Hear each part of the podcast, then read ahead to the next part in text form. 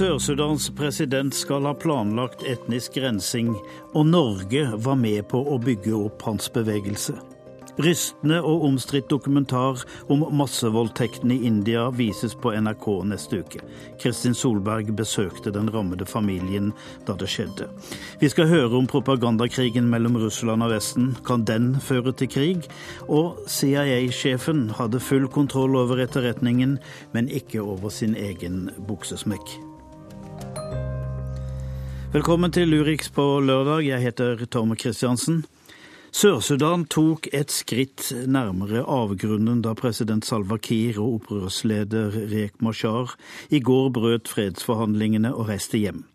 Etiopias president, som er verten for forhandlingene, sier de satte egeninteressen først. Det er moralsk og politisk uakseptabelt, sier han. Og som vi nettopp hørte, NRKs Afrikakorrespondent eh, sier at eh, i rapporten knyttes president Kiir til planlegging av etnisk rensing. Det fremgår altså av utkastet til denne rapporten.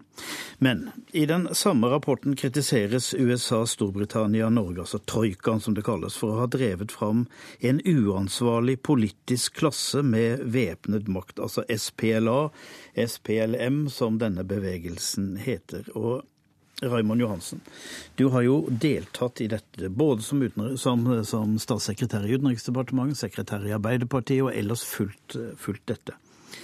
Er det noe i dette? Salva Kiir sitter altså på toppen av den bevegelsen som Norge har støtta. Er dere kommet i skade for å dyrke fram en politisk elite? Nå må vi vente også litt til offentliggjøring av denne rapporten. Eh, det er noen ting som er avdekket, eh, og det er grusom informasjon som kommer fram. Og jeg oppfordrer jo veldig sterkt nå AU og Bachanio til å offentliggjøre rapporten.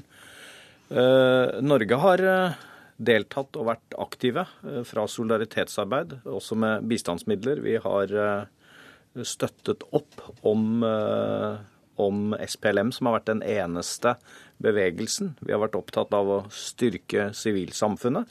Men det er klart at uh, i det øyeblikket man går inn med penger, går inn med midler, så støtter man jo noen. Og de som sitter med makten, er jo de da som får støtten. Så det er alltid krevende å, å, å gå inn. Uh, men uh, jeg tror ikke vi skal ta, ta, på skylden for det som har skjedd. Vi har bidratt til utvikling. Men det er også åpenbart at eh, mange aktører har, eh, har vært med og, eh, og, bidratt. Men den aller viktigste skylda har jo disse, sjøl. Og jeg må jo si at det er jo ikke helt uvanlig heller at afrikanske institusjoner skylder på Vesten når noe går gærent. Og det ser vi jo her også. Men vi har jo vært en del av et samarbeid hvor Afrikansk union, IGAD og andre har vært inne. Men i, i, rapporten sies det at fordi man satses på SPLA, SPLM i, de, i, de, i denne frigjøringsfasen, og, fort, og la ballen foran dem i fredsforhandlingene, så har man egentlig også et ansvar for å, at denne borgerkrigen ble satt i gang, fordi all makt havna et sted. Nå er jo SPLM er jo uh, sammensatt av uh, ledere fra mange ulike etniske grupper. Uh, presidenten og visepresidenten representerer de to store gruppene, nuerne og dinkaene. Sånn at SPLM selv er jo en del av løsningen, men også en del av, av problemet. Dette er også en personlig maktkamp mellom enkeltpersoner som er mer opptatt av egen prestisje, egen rikdom, enn sin egen befolkning. Og det er det tragiske inni dette her. Og eh, det paradoksale nå er jo at på kort sikt så er jo disse en del av løsningen også. De må sette seg forhandlingsbordet, eh, samtidig som de er en del av, av problemet. Men hvor gikk det feil i Sør-Sudan? Så jeg eh, sier at det som egentlig startet, var jo når islamistene fikk makten i Khartoum. Og egentlig presset fram at det var umulig å ha et helhetlig Sudan. fordi at enten så var du eh, muslim, islamist, eller så var du noe annet.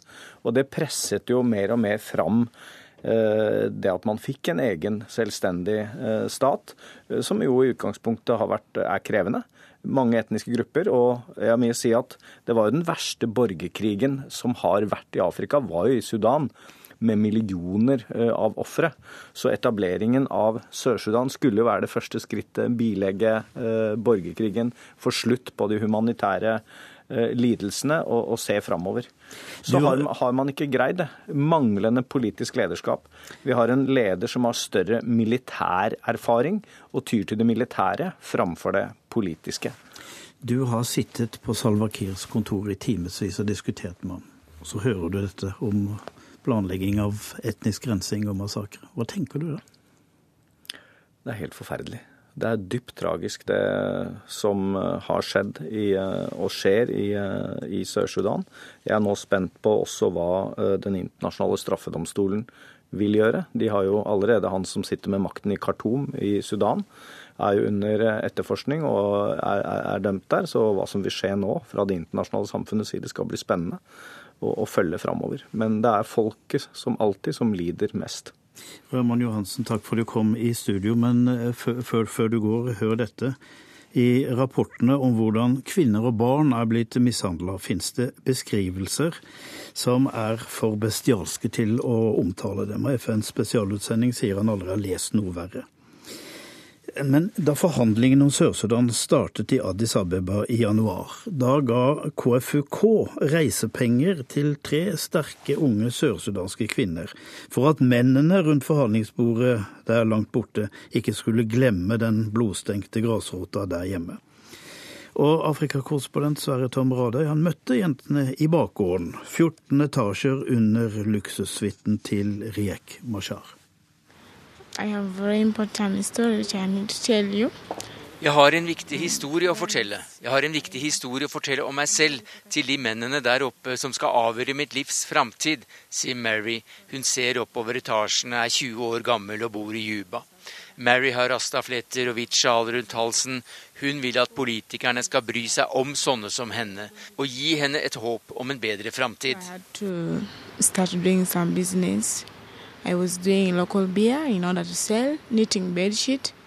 Jeg laget og solgte hjemmebrygd øl, sier Mary. Hun var ni år da moren døde og fikk ansvaret for fem yngre søsken alene for at de skulle få mat og kanskje noen penger til å gå litt mer på skole. Hun knytter sjalet tettere rundt seg, Addis Abeba ligger høyt over havet.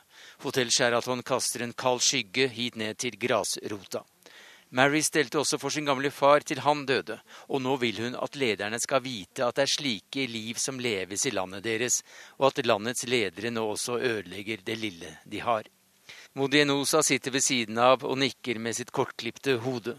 På den blå T-skjorta står det skrevet KFUK på ryggen. Uh, when we got independent in 2011, we were so excited, and then this is a newborn country, and then we were all happy because we.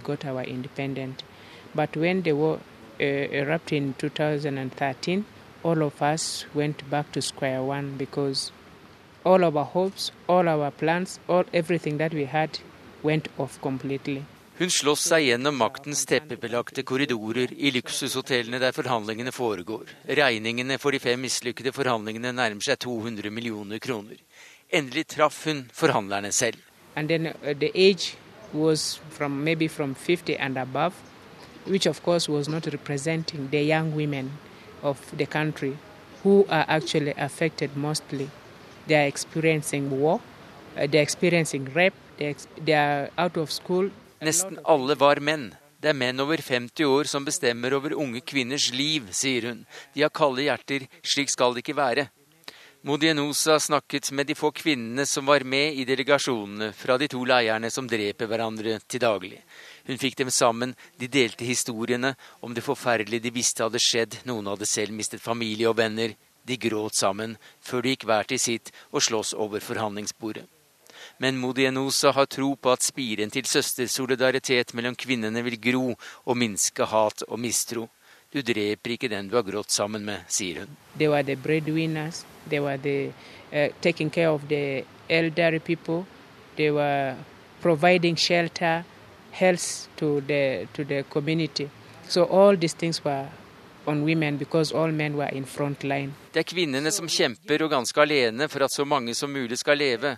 De tar seg av barna, barnets fedre er i krigen. De pleier gamle og syke, de skaffer mat, de mishandles og voldtas, sier Modi Enosa. Dette må Rik Mashar og Salwa Kiir forstå. Den tredje jenta heter Agum Makatetic. Hun vil at lederne skal forstå skjebnen til alle jentene som gifter seg så altfor unge. I was telling them the problems that we young girls and women face in our in our lives in South Sudan. Um, early marriage is also affecting us. Krigen gjør alle redde. Krigen gjør at pur unge jenter giftes bort til soldater og politi. Foreldrene tror at det vil beskytte dem, men han er gammel, og hun blir ødelagt fysisk og mentalt, sier Agum. Mens Mary har bare ett ønske til de der oppe hun mener bestemmer så altfor mye. Salva Kiir og uh, Mashar, they are sitting in this hotel. If you have met them, what would you say to them? Okay, if I meet them, what I'll tell them is we young people and young women, we need peace in order for us to stay well in our country and enjoy our country. We need to be in peace. This is what I can tell them.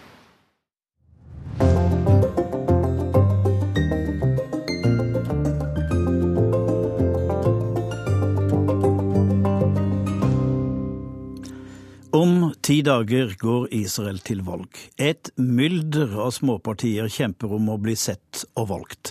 De er så mange at sperregrensa måtte heves, så det må bli en koalisjon. I virkeligheten står det mellom to menn, den sittende statsminister Benjamin Netanyahu og utfordreren Isak Herzog fra Arbeiderpartiet. Sigurd Falkenberg Mikkelsen, vår Midtøsten-korrespondent. Hvordan vil du beskrive de partiene som Netanyahu søker støtte fra? Netanyahu søker jo støtte hos en rekke partier. Vi har sett i den regjeringen som sprakk nå, at han prøvde seg på en blanding av sentrum og ytre høyre, mellom da en Yeshadi, det sentrumsparti, og Naftali Bennett, religiøs sionistisk parti på Eller Bennett er partilederen for et religiøst sionistisk parti på ytre høyreside.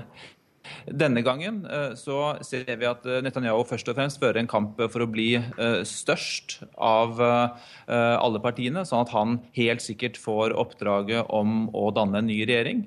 Og da vil den politiske hestehandelen komme i gang igjen. Og han vil da måtte gå gjennom noe av det samme prosessen som han gjorde sist. Men jeg tror han er nok sannsynlig at Lapid ikke blir like stor som sist, og at han derfor kanskje må finne tilbake til de ortodokse religiøse partiene, og eventuelt også da fortsette det ikke ukompliserte samarbeidet med Bennett på ytre høyre. Hva står disse partiene for? Når det gjelder Bennett og hans parti, så er dette et parti for den religiøs-sionistiske bosetterbevegelsen. Og de tar jo åpent til orde for å annektere store deler av palestinsk territorium og sier at tostatsløsningen er over. Det kommer aldri til å fungere. Og så har du da de religiøse ortodokse partiene, og de er mer klassisk, et klassisk klientellparti. Altså at de er opptatt av å få inn sine fanesaker inn i, inn i regjeringsapparatet. Og så er det Likud, som det, da, det store høyrepartiet. De har også beveget seg i en, i en høyreretning i det siste. Og vi har f.eks. sett at mange av medlemmene har vært sentrale i bevegelsen for å opprette et tredje tempel. Så der er det en religiøs dimensjon som ikke var like tydelig før. Herzog leder Arbeiderpartiet. Er det et Arbeiderparti en nordmann ville gjenkjenne? Jeg tror ikke det er så lett å, å, tegne det norske politiske kartet og bruke det i uh, israelsk politikk. Det har vært tette bånd mellom det norske Arbeiderpartiet og det israelske Arbeiderpartiet. De er ikke like tette lenger. Uh, og vi ser jo også at Herzog har gått bort fra Arbeiderpartinavnet i denne valgunionen. Han har gått sammen med Tzipi Livni om. Og her ser vi jo da en eh, koalisjon mellom Tzipi Livni, som er en eh, liberal, om ikke erkeliberal på økonomiske spørsmål. Men det som forener dem, er jo da troen og kampen for å få til en tostatsløsning og opprettelsen av en palestinsk stat. Hver femte israeler er araber. Hvordan glir de inn i valgkampen? Ja, de har markert seg mye sterkere enn tidligere. og Det er det nye, noe av det nye ved, ved valget eh, som nå kommer. og Det er bl.a. pga. sperregrensen som er hevet. Så eh, har de arabiske eh, israelske partiene vært nødt til å uh, samle seg til én liste for å være sikre på å komme over sperregrensen. Og Så har de også fått selskap i denne listen av, en, av et israelsk parti.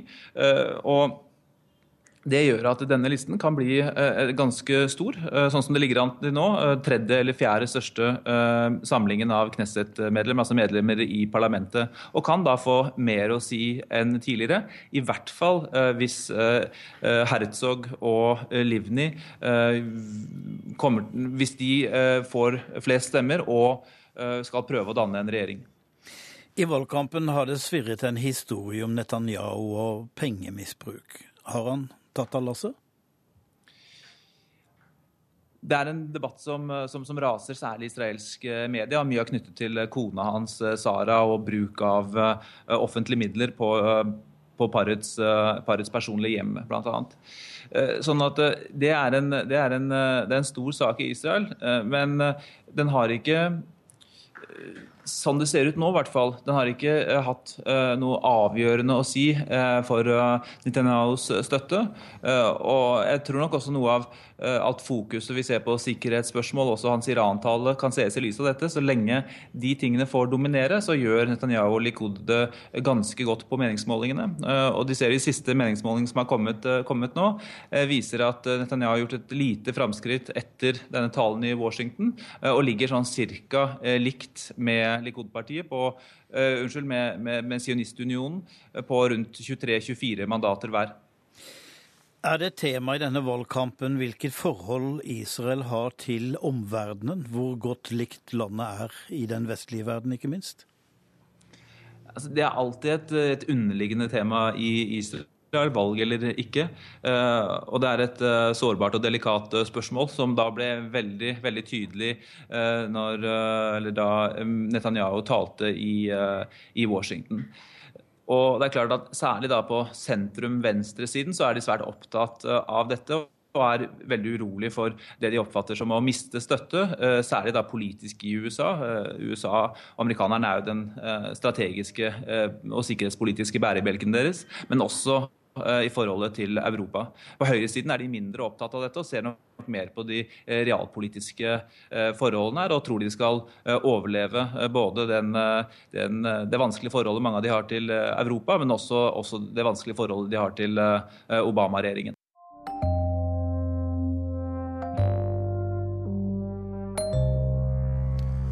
India vil stanse visningen av dokumentarfilmen 'Indias datter', om jenta som døde etter en gjengvoldtekt.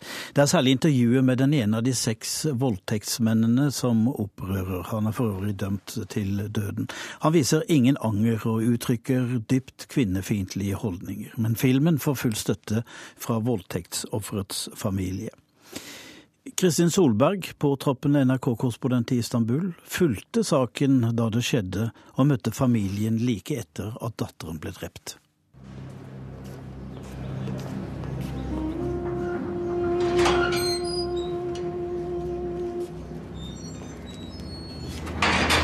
En tung metallport åpnes i det beryktede Tihar-fengselet i Delhi, og en av Indias mest forhatte menn føres inn i et nakent rom av en politimann. Han setter seg på en krakk og plasserer hendene på låret. Kort skjegg, tynt hår, joggebukse og smårutete skjorte. Han er 28 år, og han ser urovekkende normal ut.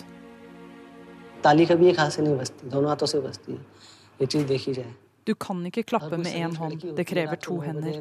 En skikkelig jente er ikke ute og flyr klokka ni om kvelden. En jente er mye mer ansvarlig for en voldtekt enn en gutt, sier han. Han viser ingen anger, intet ansvar. Mukesh Singh er en av seks menn som voldtok og torturerte den 23-årige fysioterapistudenten på en buss i Delhi i 2012. Nå snakker han i dokumentarfilmen 'Indias datter', og hans oppsiktsvekkende uttalelse er en av grunnene til at filmen har skapt så mye harme på subkontinentet. Men filmen får støtte av fysioterapistudentens familie. Uavhengig av hvor den vises, også i India, har vi ikke noe imot det. sa faren til Reuters denne uken. Selv er jeg ikke overrasket, for jeg har møtt ham. For to år siden, like etter at datteren var blitt drept, besøkte jeg ham, hans kone og to sønner i deres leilighet i utkanten av Delhi. De bodde i et nabolag med trange gater, og der lyden av naboenes liv trengte seg inn gjennom vinduene. Med godviljen lagt til kunne man kanskje kalle det et arbeiderklassestrøk. Men uten ville man kalle det en slum. Familien bodde på tre knøttsmå rom. De var fattige, men hadde satset alt de eide på utdanningen av datteren. Datterens skolebøker lå fremdeles i stabler i hyllene.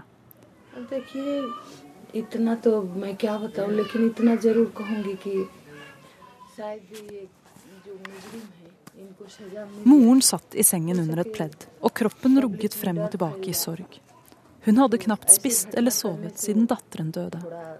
Jeg husker hvordan neglelakken på fingrene hennes ennå ikke var flasset av, et tegn på hvor raskt livene deres var snudd på hodet. Det var ikke mange dager siden hun hadde hatt energi til å bry seg om negler. माहौल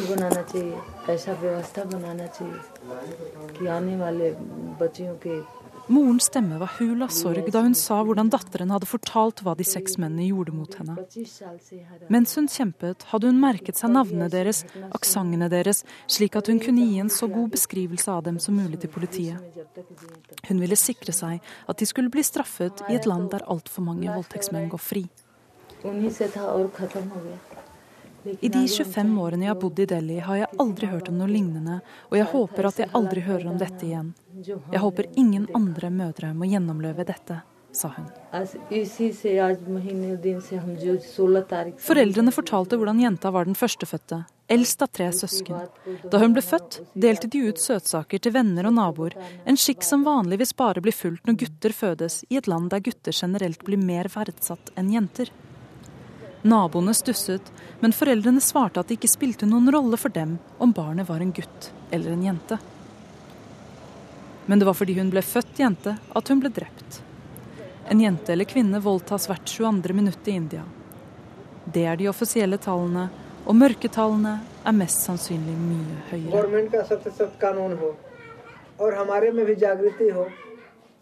मान लीजिए हम ही गुनाहों में तो हम भी हो सकते हैं हम भी तो गुनाह कर सकते हैं det var også faren klar over.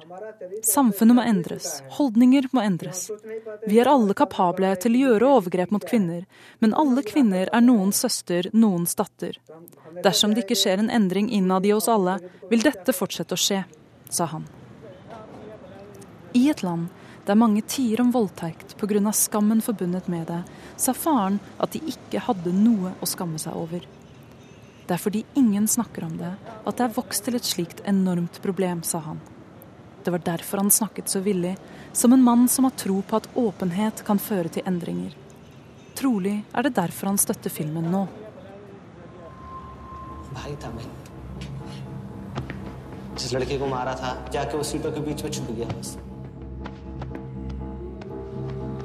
Men det er ikke lett å høre på når voldtektsmannen i filmen beskriver hva som skjedde den kvelden. Først hadde han og de fem andre drukket seg fulle, før de dro ut med en buss i Delhis gater. De plukket opp fysioterapistudenten og en venn da de var på vei hjem fra kino. Ikke bare viser Mukesh Singh ingen anger, han klandrer også kvinnen selv for det som skjedde. Han sier at hvis hun ikke hadde kjempet tilbake, ville hun kanskje ikke ha blitt drept.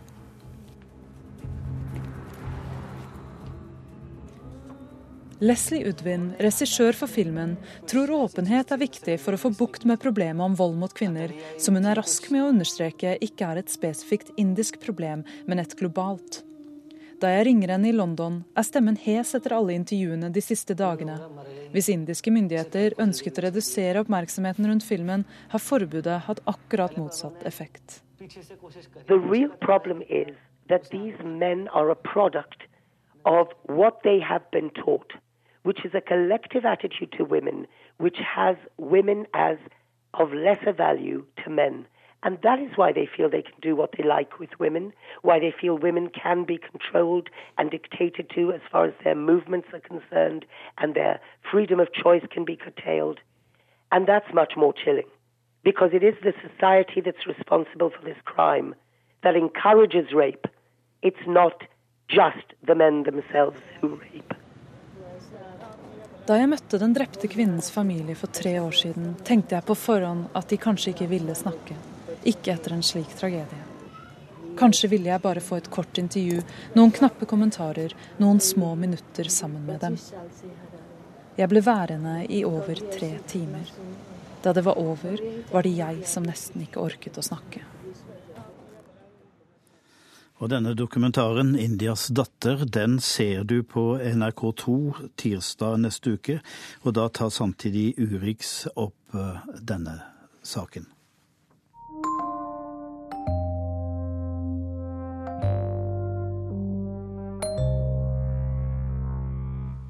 Og nå nok en gang en historie om mektige menn med et ruvende selvbilde og dårlig erotisk impulskontroll.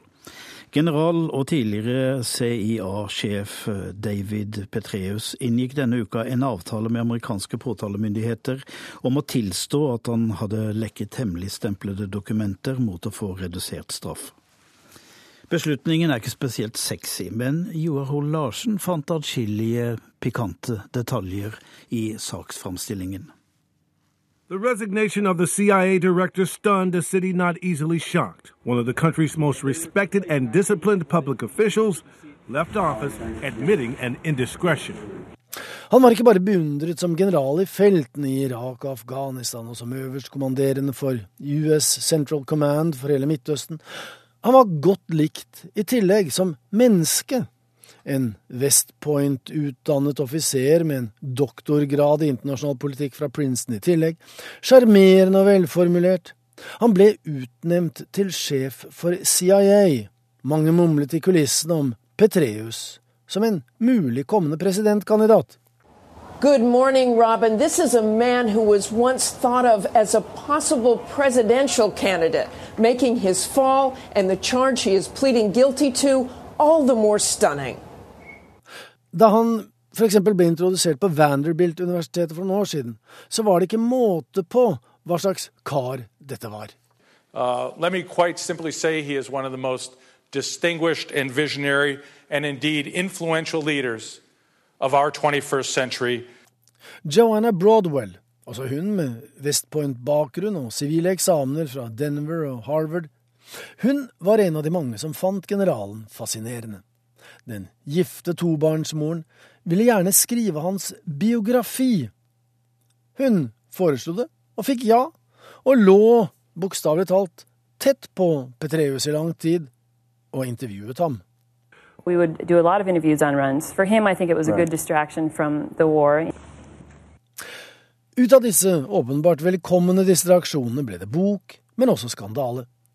I november 2012 måtte CIA-sjef Petreus søke president Obama om avskjed i nåde på grunn av det utenomekteskapelige forholdet til Paula Broadwell. I regret and apologize for the circumstances that led to my resignation from the CIA and caused such pain for my family. Det var FBI som avslørte forholdet. Og for en mester i kontraspionasje og senere spionsjef i CIA, så blir e-poster på avveie kanskje litt puslete, men allikevel altså svært så utslagsgivende. Den veltrente triatlonatleten Paula Broadwell. Hun følte seg nemlig truet. Hun trodde at general Petreus hadde en elskerinne på, på siden av på si, så Broadwell tok opp kampen og begynte å sende truende e-poster til den intetanende utfordreren som naturlig nok gikk til FBI, som raskt avslørte at e-postene kom fra Broadwell og innkalte henne og rullet opp skandalen. I dag er Paula Broadwell en angrende synder som holder en lav profil. I'm the first to admit I made mistakes, and I'm regretful for the, the pain that they've caused. But at some point, you again pick yourself up, face forward, and, and keep moving. Når Petreus denne uken valgte å tilstå, etter å ha løyet for ikke bare CIA og FBI, men også for kona og presidenten, så er det fordi han da slipper en åpen rettssak med offentlig skittentøysvask og private intimiteter. Det som skjedde, var at han hadde latt Broadwell få låne åtte notatbøker, der den pertentlige generalen med nitid nøyaktighet hadde skrevet ned fakta og vurderinger som han strengt tatt ikke burde ha festet på papir i det hele tatt. Han behandlet altså graderte opplysninger på en skjødesløs og lemfeldig måte, et glassklart sikkerhetsbrudd med utsikt til ubetinget fengsel. Men siden han har tilstått, vil han i stedet få en klekkelig bot og to års prøvetid. But despite the seriousness of the charge against him, prosecutors are not recommending any prison time, only probation and a $40,000 fine. Straffen har han uansett fått. Vingestekket og vanæret, ydmyket og latterliggjort. Men den amorøse generalen falt for eget grep. På den annen side han holder foredrag overalt og er styremedlem her og gjesteforeleser der og tjener gode penger. Og som så ofte før i amerikansk offentlighet, når mektige menn tenker mest på seg selv. Hans kone, gjennom 40 år, står fremdeles trofast ved hans side.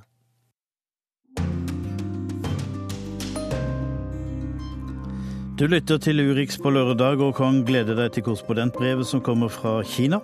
Vi skal også innom ebola. Den siste pasienten i Liberia dro hjem sist uke. Og vi skal høre om kreative måter å lage strøm på i Japan. Vesten er blitt skremt av Russlands aggressive og militære innblanding i Ukraina. Men hadde vi fulgt russisk fjernsyn, ville vi ikke skjønt noen ting, for der fortelles en helt annen historie om den truende vestlige verden. Slik følger propagandakrigen tragedien i Ukraina. Julie Wilhelmsen, du er seniorforsker ved NUPI.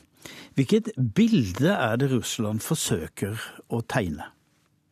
Eh, Russland vil selge et bilde av at de holder på å forsvare seg selv eh, mot et slags eh, vestlig hegemoni i verden. Som de syns de har sett vokse fram siden slutten på den kalde krigen. Eh, og som de nå eh, tyr til våpen for å stå imot, fordi det synes å krype inn i det de anser som sine eh, nærområder. Altså i forbindelse med konflikten i Ukraina, så er det det lyset de, de ønsker å fremstille det i. Altså en kamp om hvorvidt Ukraina skal tilhøre Russlands sfære eller den vestlige sfære, som de betegner som en fiende. Og hvem er det de skal overbevise? Er det oss? De skal først og fremst eh, overbevise sin eh, egen befolkning. Og i utgangspunktet så er ikke det så vanskelig, fordi at dette bildet av at Vesten holder på eh, å omringe Russland har blitt næret og, drevet fram eh, i Russland over mange, eh, mange, år.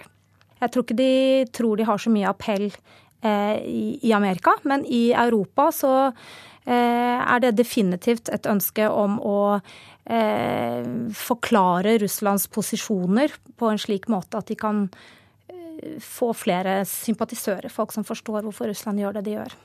Asle Tøye, du er forskningsdirektør i Nobelinstituttet. Hva er det Vesten vil fortelle?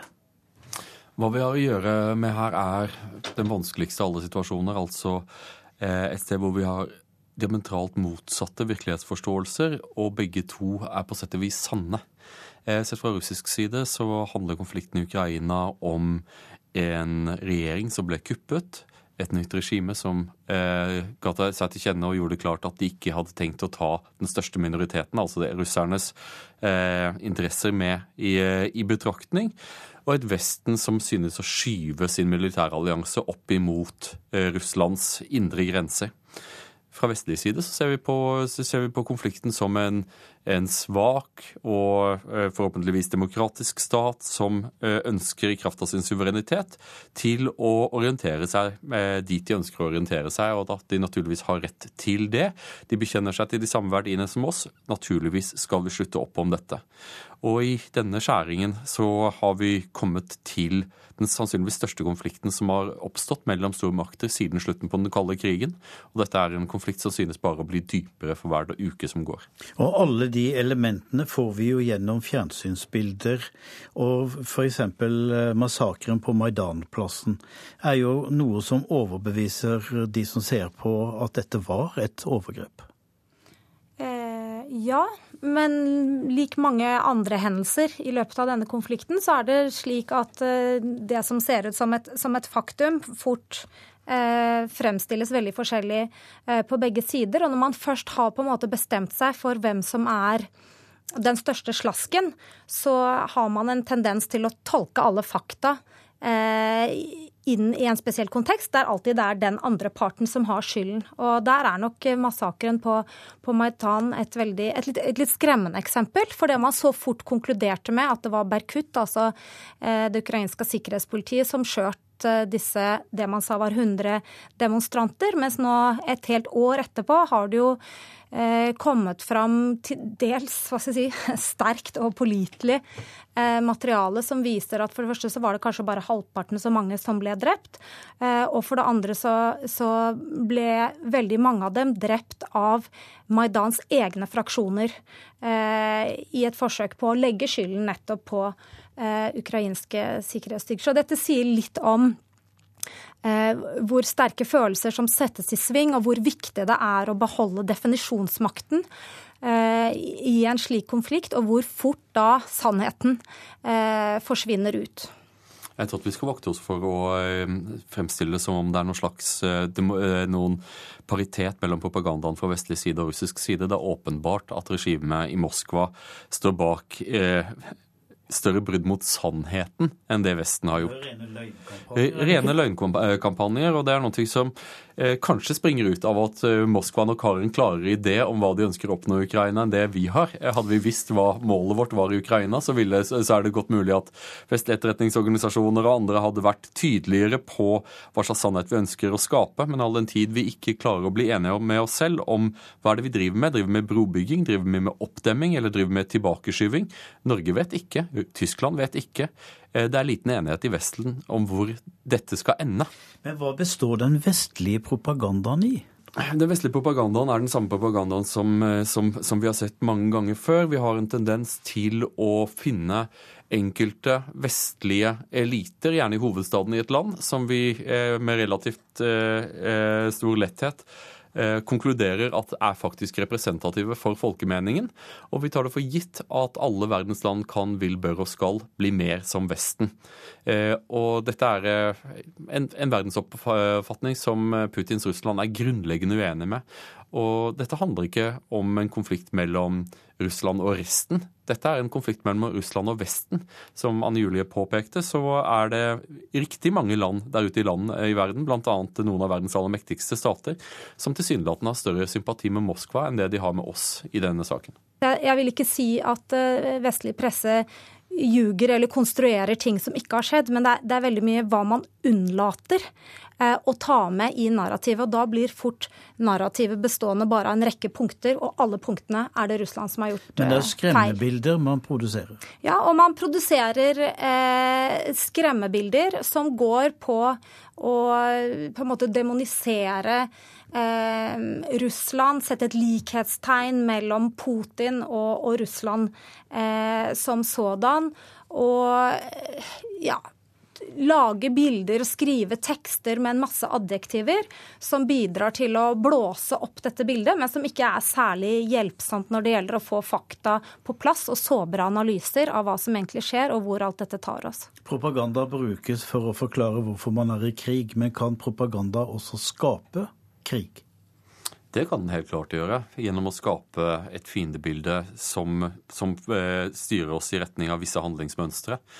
Eh, vi er i en farlig situasjon. Eh, er, vi står i en situasjon i Ukraina der Russland under Putin har signalisert at de er villige til å eskalere så langt som det er nødvendig, samtidig som at man har hauker på vestlig side som ønsker å eksportere våpen til Ukraina, noen ting som sannsynligvis bare vil bidra til å øke konfliktens omfang. Og i så måte så er det en reell fare for at vi kan trekkes inn i noen ting som ingen av partene hadde tenkt seg. Og der er eh, propagandaen en virksom og farlig del av bildet. Takk skal du ha, Asle Tøye. Og ellers, eh, du kan få med deg fra nettsidene våre siste nytt om krigens gang i Ukraina. Les Morten Jentofts beretning om hva som skjer på bakken. Han er vår Moskva-korrespondent.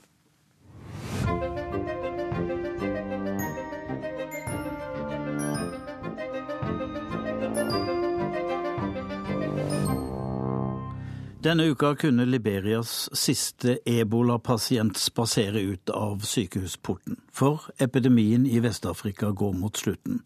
Men den er ikke over. 10 000 er døde, og landene som ble rammet, de vil aldri bli som før, forteller Anette Kroth. Beatrice Giardolo kommer gående med røde blomster i hendene. Hun blir skrevet ut fra sykehuset i Liberias hovedstad Monrovia. Liberia har ikke hatt nye smittetilfeller på to uker, og håper dette er slutten på epidemien der. Men over er det ikke. Det er fremdeles ebolasyke i de to andre hardt rammede landene, Sierra Leone og Guinea. Derfor advares det fra alle kanter mot at man slapper av. Det er generalsekretær Kjell Erik Øie i Plan Norge enig i. Ja, Nå er det jo veldig viktig at vi ikke slapper av. Vi skal være glad for at det ser ut til å eh, gå mot en slutt. Men det kan blusse opp igjen, og derfor er det viktig å følge de forholdsreglene man har gått ut med, også en stund til. Det er ikke bare sykdommen som rammer disse landene i Vest-Afrika. Plan har laget en rapport som forteller om alle ringvirkningene av det hittil største ebolautbruddet i verden. Alle de tre hardt ramma landene er blant de fattigste i verden. Infrastrukturen fungerer dårlig, helsevesenet fungerer dårlig, utdanningssystemet fungerer, fungerer, dårlig i utgangspunktet. Og det er klart at Når det da kommer en sånn situasjon som dette, så blir landet satt flere år tilbake i, i utvikling. Og så er jo eh, veldig mange barn ramma av dette. De er ramma fordi de har sett eh, familiemedlemmer bli syke. Noen er blitt syke og har dødd også av, av, barna. Og mange barn er blitt foreldreløse eller har mista en av foreldrene sine. I en bakgård i Sierra Leones hovedstad Freetown sitter 15 år gamle Isha og lager middag til de fire småsøsknene sine. En liten familie hardt rammet av epidemien. Life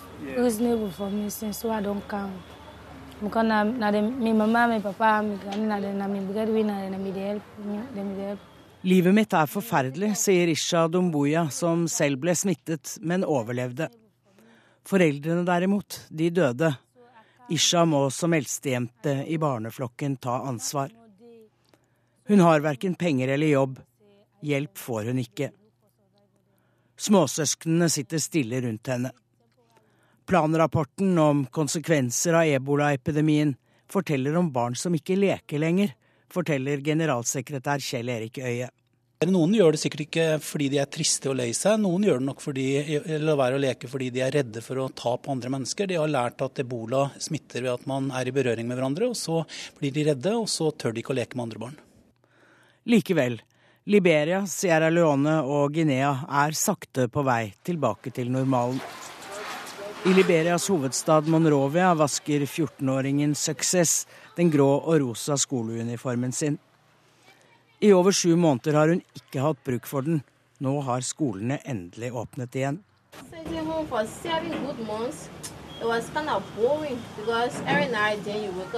Å sitte hjemme i alle disse månedene har vært gørr kjedelig, sier Success Gulai.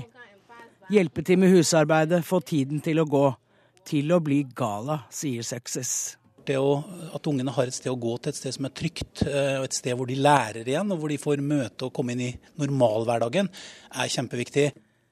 Sier Kjell Erik Øie, generalsekretær i Plan Norge, som ikke bare har laget rapport om konsekvensene av ebolaepidemien, men som driver omfattende hjelpearbeid i de rammede landene. Over 9800 er døde, nesten 24 000 har vært smittet.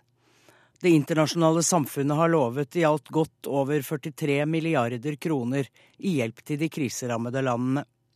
Foreløpig er bare halvparten utbetalt. Vi er takknemlige, sa Liberias president Ellen Johnson Sirleaf på et møte med donorland her forleden. Men, advarte hun, det er ikke slutt. Be aware that when your phone rings, on the other line could be one of us. Og så til Japan. Kan matavfall brukes til noe? Strøm, f.eks. Det driver et japansk selskap med akkurat nå. Landet har en strømkrise, så nå forsyner et prøveprosjekt 50 hjem med strøm fra nudler. Reporter Christian Aanensen.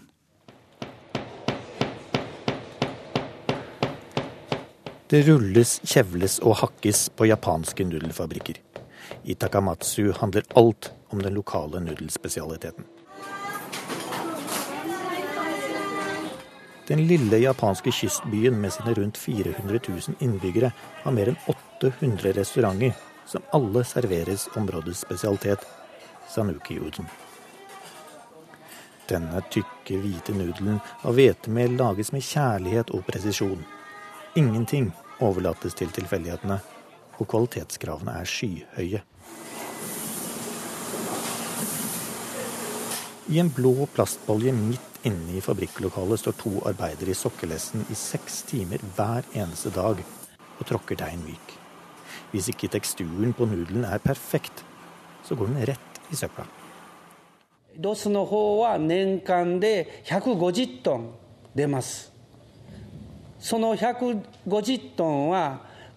Vi kaster hvert år 150 tonn udon-nudler forteller Kagavi Masaki ved en av de lokale nudelprodusentene. Tidligere ble dette avfallet kjørt på de lokale fyllingene, men for kort tid siden bestemte produsentene seg for å utnytte metangassene som avfallet produserer, til å lage strøm. For her husker alle at for temmelig nøyaktig fire år siden ble Japan rammet av en katastrofe.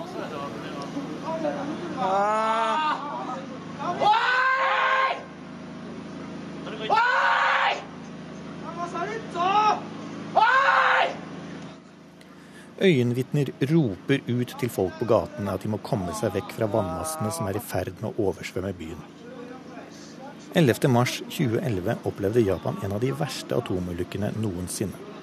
En kraftig tsunami oversvømte atomreaktorene i Fukushima, og katastrofen var et faktum.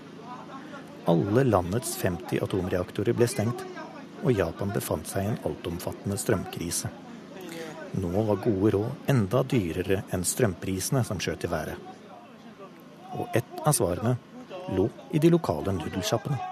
De ikke-perfekte nudlene ble en kilde til biomasseresirkulering og strøm.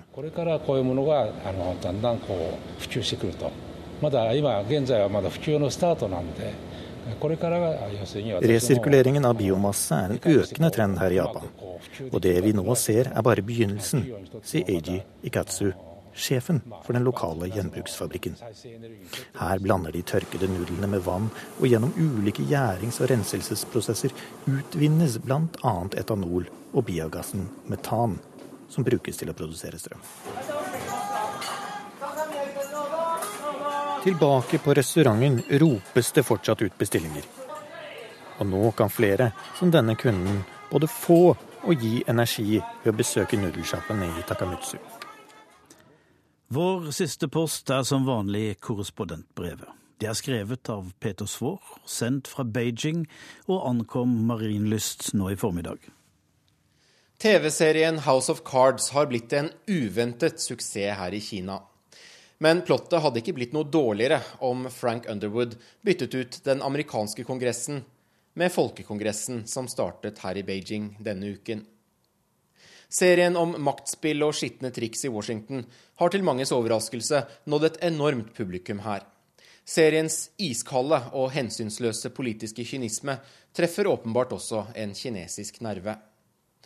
Frank Underwood i Kevin Spaceys skikkelse har ifølge den kinesiske streamingtjenesten Sohu nå 24 millioner kinesiske seere. Ansatte i statsforvaltningen her i hovedstaden er ifølge statistikken det aller ivrigste publikummet. Men House of Cards er samtidig en TV-serie som aldri kunne blitt produsert her. Et drama inspirert av hva som foregår bak kommunistpartiets lukkede dører i hovedkvarteret Sognanhai, ville fått et raskt og kontant møte med sensuren, som de siste månedene har strammet seg enda mer til. Det er bare noen uker siden sensoren her grep inn, etter at en TV-serie hadde startet å gå. Det kinesiskproduserte dramaet 'Kinas keiserinne' ble brått tatt av skjermen, og dukket opp igjen først en drøy uke senere i en ny og omklippet versjon. Utringningene var for dype på flere av de kvinnelige skuespillerne, og i den nye versjonen var alle kjoler byttet ut med tette ansiktsnærbilder for å sikre at sømmeligheten ble ivaretatt. Men ofte er det fremstillinger av Kina i et negativt lys som kreves klippet bort. Kinesiske skurker eller brutale kinesiske fangevoktere må fjernes før filmen kan godkjennes for det kinesiske markedet. Men House of Cards har til nå vært et gedigent unntak fra denne regelen. Så langt har serien sluppet fullstendig unna sensursaksen, til tross for at en korrupt kinesisk forretningsmann var rollefigur gjennom hele forrige sesong. Manusforfatterne sneiet også innom en hel smørbrødliste av vanligvis svært sensitive temaer. Kinesisk dataspionasje, Kinas delelinjekrav i Øst-Kina-havet og barn av kommunistpartiledere fremstilt som ekstravagante og bortskjemte. Alt fikk passere, for her i Kina har TV-serien også tjent et politisk formål. Er denne handlingen sann? Er USA så korrupt? Den som dykker dypt ned i disse spørsmålene, vil oppdage at korrupsjon er et utbredt problem i Vesten, skrev en analytiker tilknyttet kommunistpartiets antikorrupsjonsenhet i en mye omtalt artikkel i fjor. Det er enkelte her som ikke har noen ting imot at amerikansk politikk fremstilles i et lite flatterende lys, og som ønsker å fremstille TV-dramaet som en realistisk dannelsesreise i formingen av amerikansk politikk.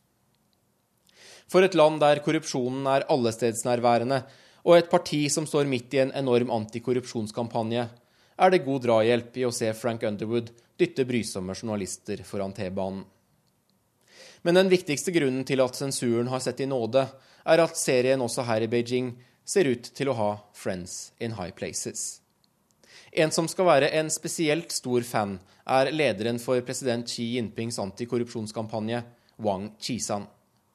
Wang skal til utenlandske gjester ha sammenlignet sin egen jobb med Underwoods rolle som innpisker, altså en mektig mann på innsiden av systemet med et utviklet talent for håndfaste løsninger. Den samme Wang leder nå det som fremstilles som en kamp om liv og død for kommunistpartiet. En kamp mot korrupsjon som de siste 18 månedene er ført med et stadig fastere grep. Målet er offisielt å renske ut korrupte tjenestemenn fra alle lag av partiet. Og korrupsjon er det mer enn nok å ta av. De laveste, fluene, sitter langt nede i systemet, ofte ute på bygda, og har vært vant til å spe på inntekten med krav om noen hundre yuan for å stemple et papir eller for å se en annen vei. Oppover mot toppen av partiapparatet kommer de såkalte tigrene, og dermed også mer av politikken inn i bildet.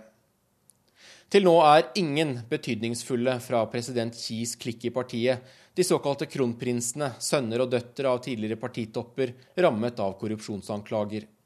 Hvorvidt det noen gang skjer, blir nå en slags lakmustest på i hvilken grad denne kampanjen handler om å kvitte seg med politiske motstandere. Den største tigeren av dem alle er den tidligere mektige sjefen for innenlandsk sikkerhet, Joe Yongkang.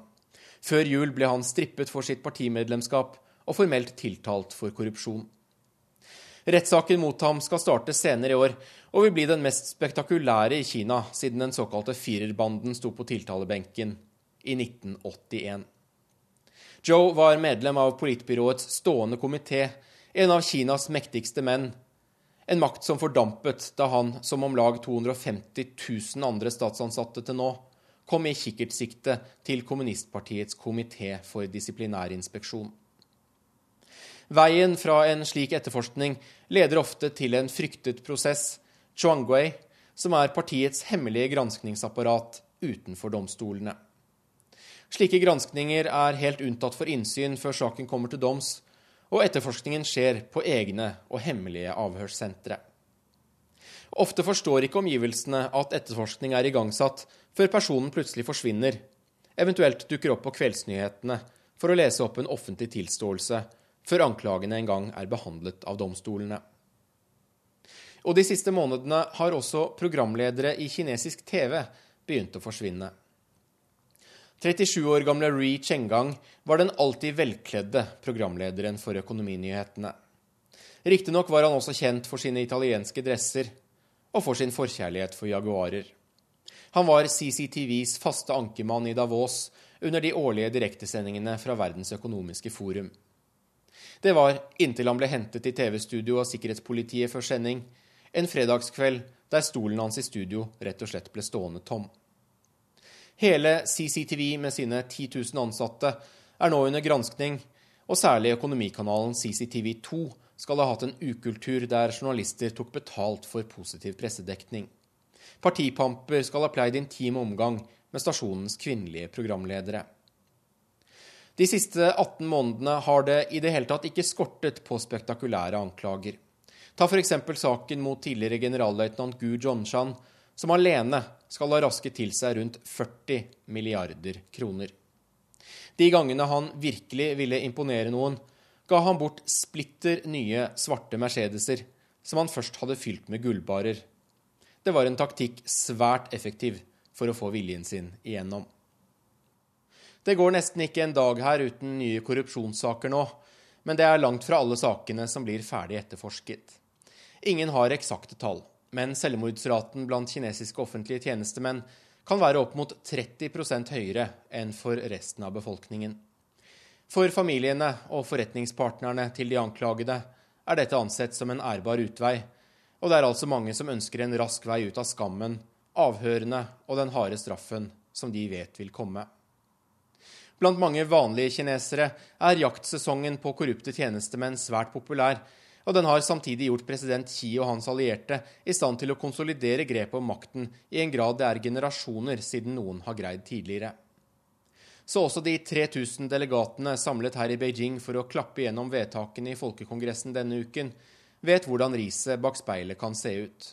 Og at det er klokt å se seg over skulderen iblant, er en sannhet i maktens korridorer både i Washington og i Beijing.